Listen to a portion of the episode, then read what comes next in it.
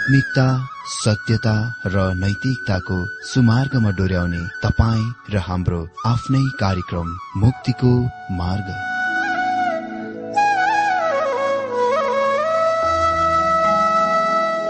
आदरणीय श्रोता यस मुक्तिको मार्ग कार्यक्रममा हार्दिक स्वागत छ आशा छ यस आत्मिक कार्यक्रमद्वारा जीवनमा आत्मिक आशिष अलौकिक शान्ति र आनन्द प्राप्त गर्नुहुनेछ। र जीवनमा धन्य अनुभव गर्नुहुनेछ। आउनुहोस् श्रोता मन र आत्माको तयारीको लागि यो मिठो अनि मधुर भजन गीत सुनौ। प्रेम गर्नुभयो। परमेश्वरले हामीलाई एक्लो पुत्र सामे दिनुभयो। बाँचौन भनी सबैलाई बाँचौन सबैलाई अचम्मको प्रेम गर्नुभयो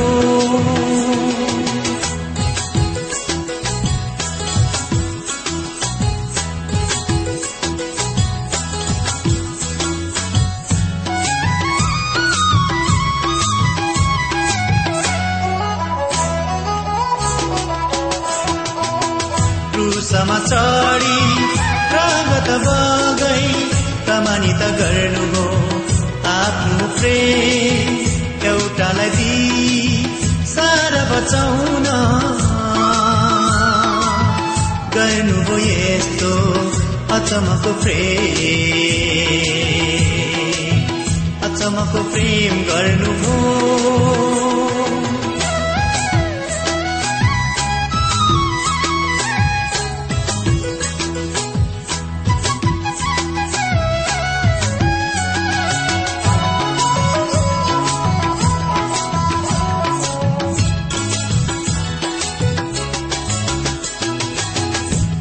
मृत्युलाई जिती बौरी उठे येसु परमेश्वरको महिमा देखाउन।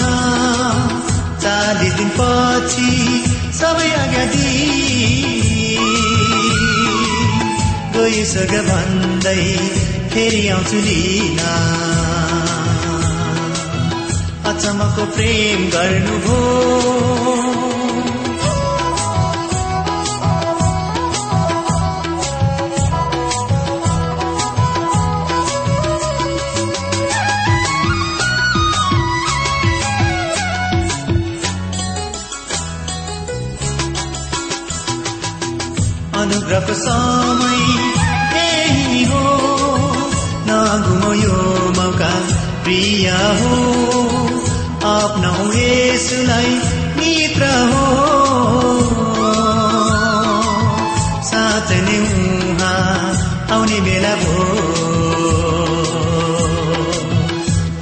गर्नुभयो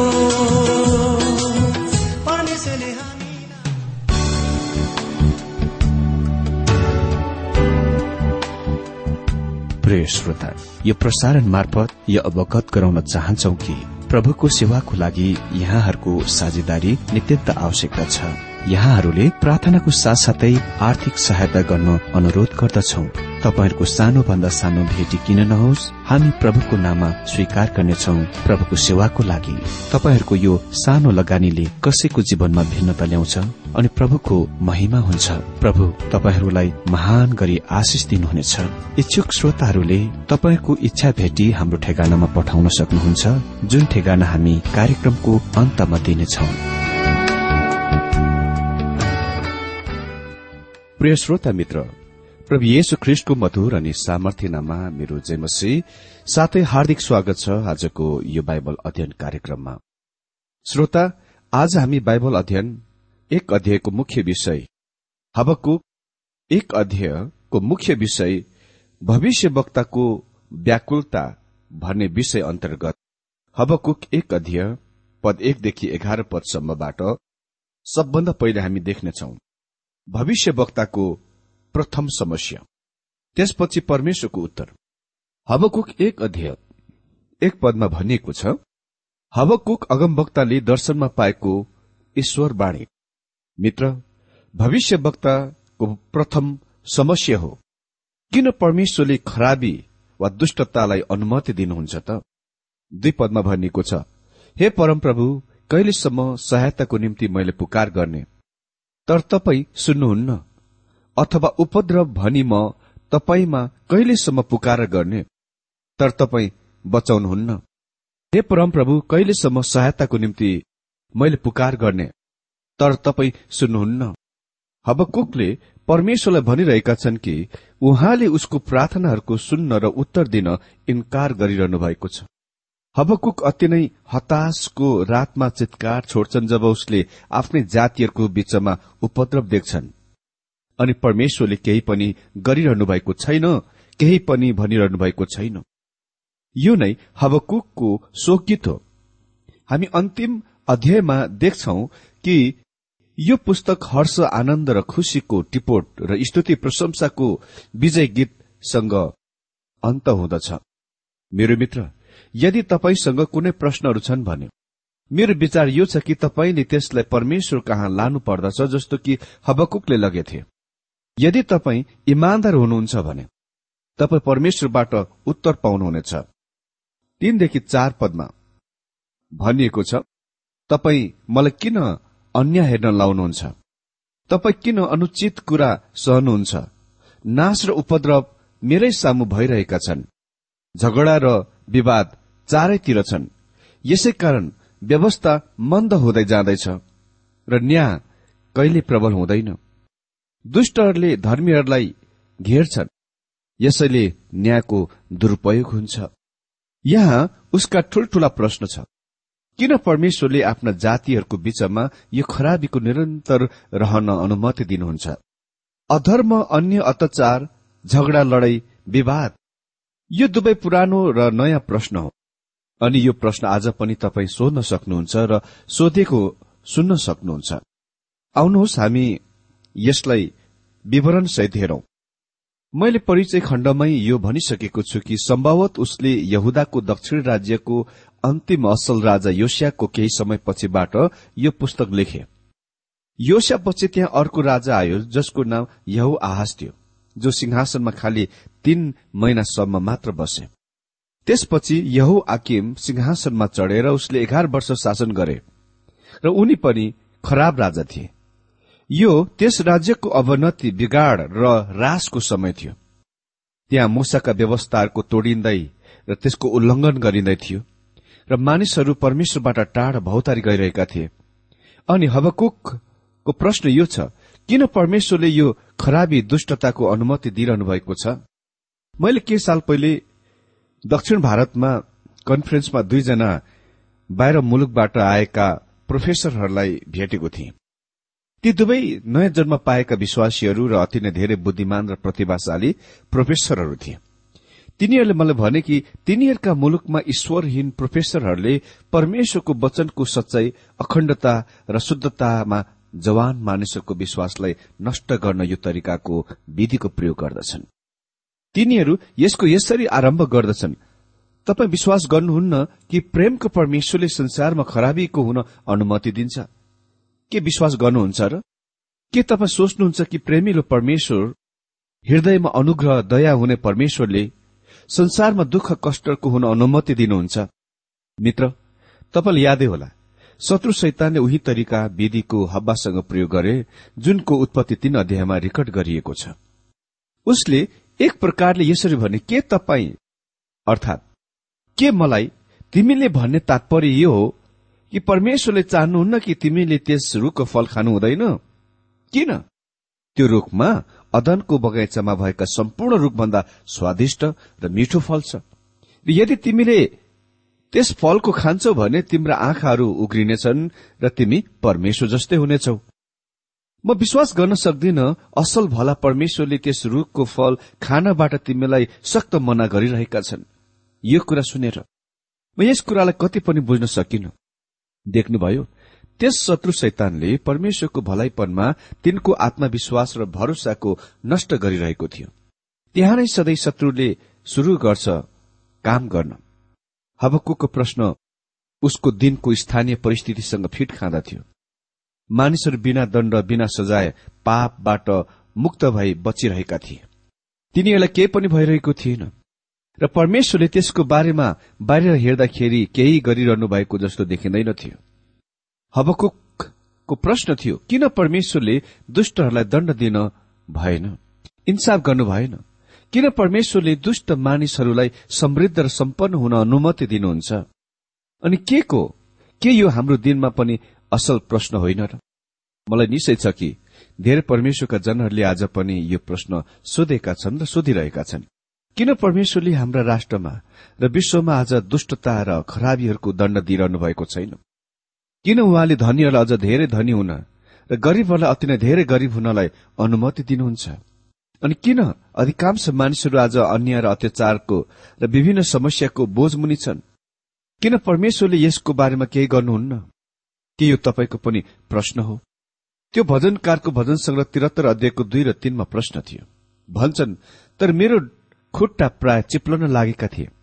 मैले टेक्ने आधार हराउन लागेका थिए किनकि दुष्टहरूको उन्नति देखेर ती अहंकारीको म डाहा गर्थे। जब उसले वरिपरि आफ्नो नजर लगाए उसले देखे जो व्यक्तिहरू चाहिँ दुष्टहरू थिए तिनीहरू समृद्ध र सम्पन्न भइरहेका थिए। यसले लगभग उसको विश्वासलाई लुटी लगेको थियो। किन परमेश्वरले यसको बारेमा केही कुरा गरिरहनु भएको छैन? यहुदाका मानिसहरू यस विचारमा सोचाइमा आएथे कि तिनीहरू परमेश्वरका साना प्रिय पात्रहरू थिए र तिनीहरूलाई तिनीहरूका पापहरूको लागि दण्ड दिनुहुने छैन। सम्भव तिनीहरूले सर्वप्रथममा केही गलत काम वा दुष्ट र पाप कर्महरू गरेको बेला यो सोचे होला र डराए होला कि परमेश्वरले तिनीहरूलाई दण्ड दिनु हुनेछ भनेर। जब उहाँले केही पनि गर्नु भएन तब तिनीहरूले सोचे कि उहाँले ती कुरामा ध्यान दिनु भएन वा वास्ता गर्नु भएन। उपदेशको लेखकले आठ दिएको एघार पदमा भन्छन् कुनै अपराधको दण्ड तुरुन्तै भएन भने मानिसहरूका हृदयले दुष्ट काम गर्नलाई योजनाहरू बनाउँछन्। मलाई याद छ त्यो समयको जब म फुच्चे केटा थिएँ र मैले आफ्नै घरबारीको काँक्रो चोरे। त्यो बर्खको समय थियो र आदि तुफानहरू आइरहेको थियो। आकाशमा बादलहरू तीव्र गतिले भागिरहेका थिए र अन्ध्यारोले दिनलाई छोपिरहेको थियो। मैले बोर्डबाट काँक्रो टिपिरहेको बेला एक्कासी आकाशमा मेघ गर्जन र बिजुली चमकहरू सुनिन थाले। पूरा पृथ्वीलाई कम्पाउँदै मानौ वर्ज कहीँ कतै परिरहेको छ। सायद त्यो म माथि नै पर्ने हो कि भनेर म अति नै डराइरहेको थिएँ। किनकि मैले सोचे जुन गलत काम मैले गरिरहेको थिएँ त्यसको लागि बिल्कुल त्यहाँ नै मलाई परमेश्वरले दण्ड दिइरहनु भएको थियो।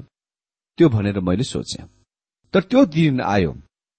मैले पत्ता लगाएँ कि त्यो परमेश्वरबाट दण्ड थिएन र त्यस प्रकारको काम बिना डर गर्न सक्थे।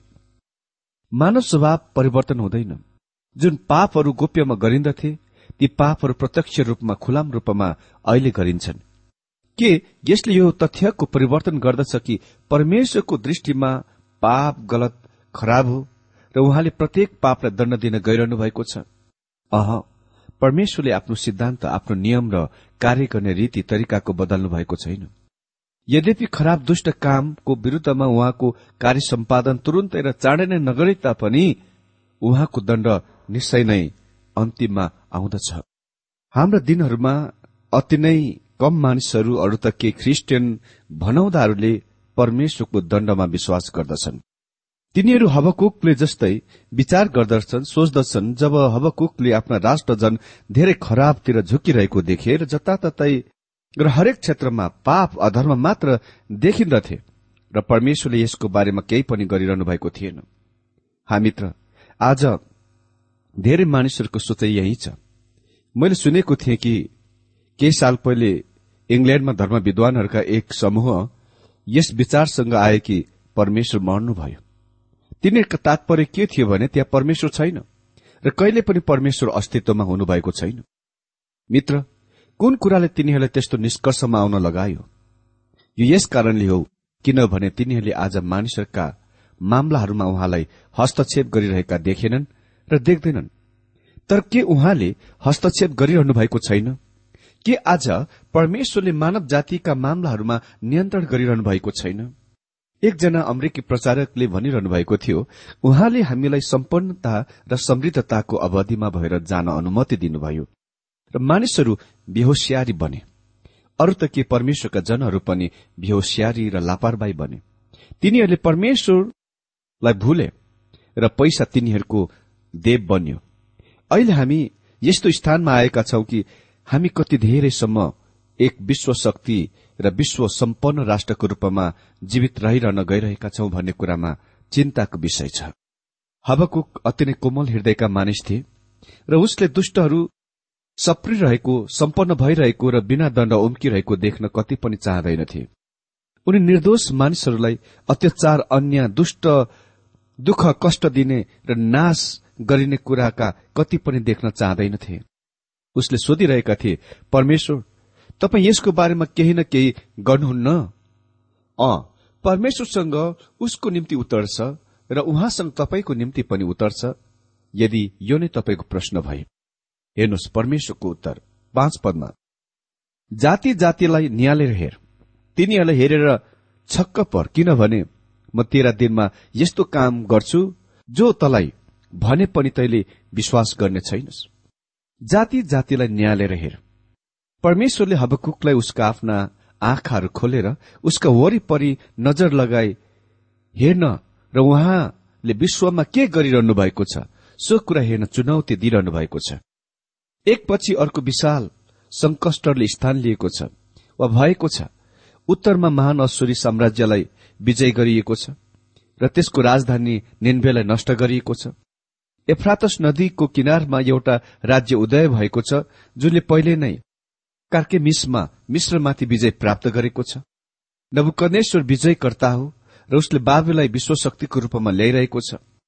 परमेश्वरले हबकुकलाई भनिरहनु भएको छ जाति जातिलाई न्यालेर हेर राष्ट्रहरूलाई न्यालेर हेर। तिमीहरूले भनिरहेका छौ कि मलाई केही गरिरहेका छैन। तिमीहरू भनिरहेका छ कि म केही गरिरहेको छैन। म आरामले स्वर्गीयको सिंहासनमा बसेर यो सानो संसारमा रमिता हेर्दै बसिरहेको छु। म बिल्कुलै यस्ता मामलाहरूमा संलग्न छु। मित्र म निश्चय नै यस्ता कुराहरूमा संलग्न हुनुहुन्छ। त्यसको विरूद्धमा चाल चलिरहनु भएको छ। उहाँले पापको बारेमा केही गरिरहनु भएको छ। हुनसक्छ त्यो अघि पछि हुन सक्छ तर उहाँले निश्चय नै त्यससँग व्यवहार गर्नुभयो र गरिरहनु भएको छ र आफ्नै योजना र आफ्नै तरिकामा। र उहाँको आफ्नै समयमा जाति जातिलाई न्यालेर हेर। तिनीहरूलाई हेरेर छक्क पर।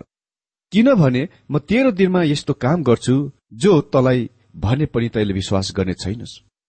परमेश्वर भनिरहनु भएको छ जब म तिमीलाई मैले गरिरहेको खास कामलाई भन्छु तिमीले यसको विश्वास गर्न कठिनको कुरा हुनेछ। मैले केही मात्र नगरी रहेर यसको बारेमा अति नै ठूलो काम गरिरहेको छु। वास्तवमा हबकुकले परमेश्वरलाई ती कुराहरूलाई अलिक विस्तार धीमा गर्नलाई विन्ती गर्न गइरहेका छन् जब परमेश्वरले के काम गरिरहनु भएको छ सो कुरा पत्ता लगाउँदछन्। भनिएको छ किनभने म तेरो दिनमा यस्तो काम गर्छु जुन तलाई भने पनि तैले विश्वास गर्ने छैनस्। यो कथन पिसिद्याको अन्त्यओकमा उसले दिएका महान सन्देशमा पावलद्वारा उद्धृत गरिएको छ। मैले सधैँ महसुस र विचार गरेको छु कि यो पावलले प्रचार गरेको एक सबभन्दा महान सन्देश थियो। तैपनि यसले हाम्रा दिनमा अति नै कमी ध्यान प्राप्त गरिरहेको भए तापनि यो प्रेरित तेह्र अध्यायमा रेकर्ड गरिएको छ। अहिले यी शब्दहरूको ध्यान दिउँ प्रेरित तेह्र अध्याय अडतिसदेखि एकतालिस पदमा यसकारण भाइ हो तपाईँहरूलाई थाहा होस् कि यी नै मानिसद्वारा पाप क्षमा हुन्छ भन्ने घोषणा तपाईँहरूलाई गरिएको छ। तपाईँ विश्वास गर्नेहरू हरेकले उहाँद्वारा नै सबै कुराहरूबाट छुटकारा पाउनु भएको छ जुन छुटकारा मुसाको व्यवस्थाद्वारा तपाईँहरूका निम्ति सम्भव थिएन। यसकारण होसियार हुनुहोस् नत्र त अगमवक्ताहरूका पुस्तकमा भनिएका यी कुराहरू तपाईँहरूमाथि आइपर्नेछ। हे निन्दा गर्ने हो हेर र आश्चर्य मान अनि नष्ट भइजाऊ किनकि तिमीहरूको समयमा म एउटा काम गर्छु यस्तो काम जसको विषयमा कसैले बयान गरिदिए भने पनि तिमीहरूले कहिले विश्वास गर्ने छैनौ। यसरी तपाईँ देख्न सक्नुहुन्छ कि पावल हबकुक एक अध्ययको पाँच पदबाट उद्धृत गरिरहेका छन्। त्यो यो पदको अद्भुत लागू हो। पावल भनिरहेका छन् कि परमेश्वरले उद्धारको प्रबन्ध गर्नुभएको छ र उहाँले यसको कुनै कुनामा वा कुनै जग्गामा गर्नु भएन। कृषिकरणको समयमा पूरा संसारभरिका यहुदीहरू यरुसलेममा निष्ठार चाड मनाउनलाई आएका थिए। तिनीहरूले यो खबर चारैतिर लगे। अनि नासरतको येसु क्रुसमा मर्नुभयो। यो अफवाह थियो कि वा मृत्युबाट पुनः बिउती उठ्नुभयो। फेरि पूरा संसारभरिबाट यहुदीहरू पेन्टिकोस्टको चाड मनाउनको लागि यरुसलेममा वापस फर्किआएथे जब पवित्र आत्मा विश्वासीहरूका साना झुण्डमाथि आउनुभयो र हजारौं त्यस समयमा र पछिबाटको आउने दिनहरूमा उद्धार पाए। जब त्यो खबर चारैतिर फैलियो रोमी संसारले सर्वप्रथममा त्यसको उपेक्षा गरे व्यवस्था गरे। पावले तिनीहरूलाई भनिरहेका छन् कि परमेश्वरले तिनीहरूका समयमा त्यो काम गर्नुभएको छ। यस्तो काम जुनको विषयमा कसैले बयान गरिदिए पनि तिमीहरूले कहिले विश्वास गर्ने छैनौ। आज संसारले सोध्छन् किन परमेश्वरले पापको बारेमा केही गर्नुहुन्न? मेरो मित्र परमेश्वरले यसको बारेमा केही गर्नुभएको छ। करिब करिब दुई हजार वर्ष पहिले उहाँले आफ्नो पुत्रलाई मर्न दिनुभयो। उहाँले संसारका मामलाहरूमा हस्तक्षेप गर्नुभएको छ र उहाँ भन्नुहुन्छ उहाँ फेरि संसारमा मामलाहरूमा हस्तक्षेप गर्न गइरहनु भएको छ। यद्यपि आज संसार भ्रष्टता र पापमा लिप्त भइरहे तापनि र तर परमेश्वर आफ्नो चाल चलिरहनु भएको छ। यो अद्भुत कुरा हो कि कसरी पाउले हबकुक एक अध्ययको एकको पद प्रयोग गरे। अनि हबकुकको दिनमा परमेश्वर चाल चलिरहनु भएको थियो। यद्यपि सम्पूर्ण दुष्टता भ्रष्टता पाप अधर्म युद्ध र सम्पूर्ण राष्ट्रमा पापहरू भए तापनि परमेश्वर नियन्त्रणमा रहिरहनु भएको थियो र दण्डमा बढ़िरहनु भएको थियो। अहिले परमेश्वर त्यस कुराको निश्चित तरिकामा बताउनुहुन्छ जुन उहाँ गरिरहनु भएको थियो। छपद म बेबिलोनीहरूलाई खड़ा गरिरहेछु। त्यो निष्ठुर र उग्र जाति जो अर्काको वासस्थान खोज्न सारा पृथ्वीभरि नै बढ़ेर जान्छ। परमेश्वरले हबकुकलाई भनिरहनु भएको छ तिम्रो आसपास र वरिपरि हेर त। तल इफ्रातस नदीको किनारमा एक राष्ट्र उदय भइरहेको छ जुन पहिलो विश्व शक्ति बन्नेछ। बाबेल विश्वको महान शक्तिमा पहिलो पंक्तिमा थियो अनि हामीले यसको दानियलको पुस्तकमा विवरणसहित अध्ययन गरिसकेका छौं। त्यो निष्ठुर र उग्र जाति जो अर्काको वासस्थान खोज्ने सारा पृथ्वी भरिँदै बढे जान्छ। परमेश्वर हबकुकलाई भनिरहनु भएको छ बाबेलले यहुदाको मुलुकलाई खोसी लैजानेछ अनि यो कुरा सुन्न हबकुको निम्ति आघातको कुरा थियो चोटको कुरा थियो। भनिएको छ निष्ठुर र उग्र जाति। मित्र यो बाबेल साम्राज्यको असल वर्णन हो। तिनीहरू निष्ठुर उग्र जातिहरू थिए जो सारा संसारलाई विजय गर्न बढ़िरहेका थिए। तिनीहरूले वास्तवमा परमेश्वरको शहरलाई तीनपल्ट लिए र तेस्रो पल्ट तिनीहरूले यस शहरलाई जलाएर नष्ट गरिदिए। तिनीहरू विचार गर्थे कि तिनीहरू सर्वोच्च वर्गका थिए र अरू कसैलाई आफ्नो शरीरको रूपमा आफ्नो बराबरको रूपमा स्वीकार गर्दैनथे। सात पल। तिनीहरू डरलाग्दा र भयानक मानिसहरू छन्।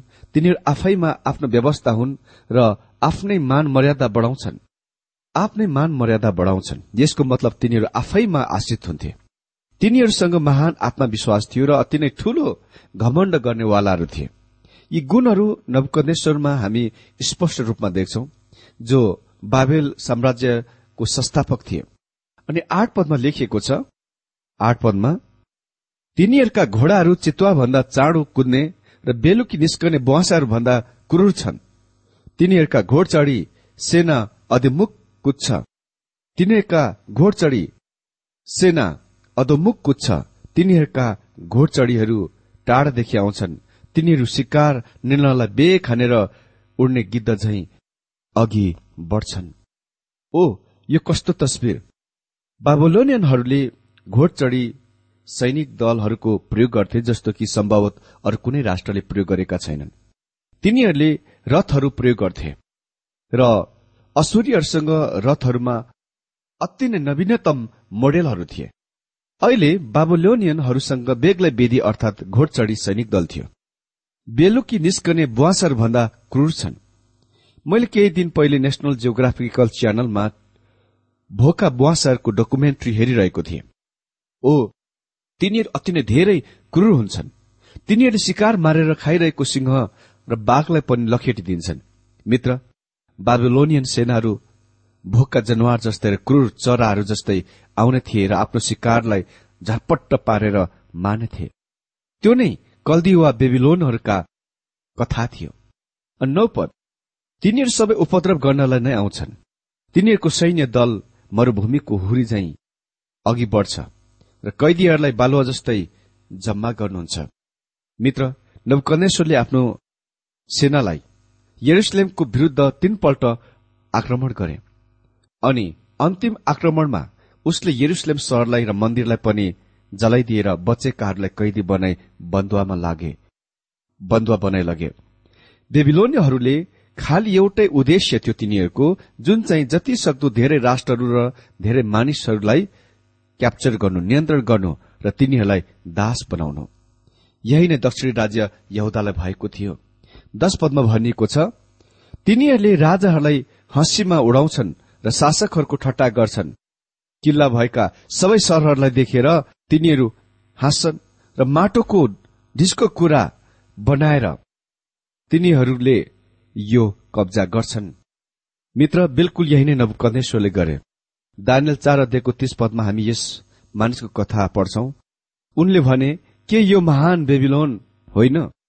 जुन मैले आफ्नो कीर्तिका महिमाको लागि मेरो ठूलो शक्तिद्वारा आफ्नो शाही निवासस्थान बनाएको छु। उनी घमण्डले फुलिएका थिए। उनी अहम्वादी थिए। उसले पूर्ण रूपमा आफैमाथि भरोसा गरे। मित्र उसले परमेश्वरमा भरोसा गरेन। अनि आज पनि त्यहाँ केही त्यस्ता मानिसहरू छन् जो परमेश्वरमा होइन तर आफैमा आफ्नो ज्ञान दिमाग शक्ति धन पैसा ज्ञान ती कुरामा भर पर्दछन्। कुरा जेसुकै होस् परमेश्वर हबकुकलाई भनिरहनु भएको छ तिमी सोच्छौ कि मैले मेरा जनहरूका पापको लागि केही पनि गरिरहेको छैन? तर म इफ्रातस नदीको किनारमा एउटा राष्ट्रलाई तयार गरिरहेको छु। अनि यदि मेरो यी मानिसहरूले प्रस्ताव गर्दैनन् भने म बाबेलाई तिनीहरूमाथि आइपर्ने अनुमति दिनेछु। मित्र तिनीहरू आए अनि रेकर्डले संकेत गर्दछ कि यरुसलेमको तिनीहरूले विध्वंस अति नै भयानक थियो। अनि जब त्यहाँका मानिसहरूलाई कैदी बनाइ लगिएको बेला तिनीहरूले गरेका केही कामहरू बढनदेखि बढनदेखि बाहिरको कुरा छ। मित्र आजको वचन अध्ययनमा हामी यही सिक्छौ कि परमेश्वरले निश्चय नै पाप अधर्महरूको गलत कुराहरूको व्यवहार गर्नुहुन्छ। परमेश्वरले यसलाई त्यसै छोड्नुहुन्न। यदि कुनै व्यक्ति विशेषले प्रस्ताव गर्दैनन् भने त्यहाँ अर्को कुनै विकल्प छैन। दण्ड बाहेक हामीत्र आजको वचन अध्ययनमा हामी यही सिक्छौ कि परमेश्वरले निश्चय नै पाप अधर्महरूको गलत कुराको व्यवहार गर्नुहुनेछ। परमेश्वरले यसलाई त्यसै छोड्नुहुन्न। यदि कुनै व्यक्ति विशेषले प्रस्ताव गर्दैन भने त्यहाँ अर्को कुनै विकल्प छैन। दण्ड बाहेक अनि यो नै कुरा परमेश्वरले हबकुकलाई बताउनुभयो। उहाँले निश्चय नै पाप अधर्मसँग व्यवहार गर्नुहुन्छ।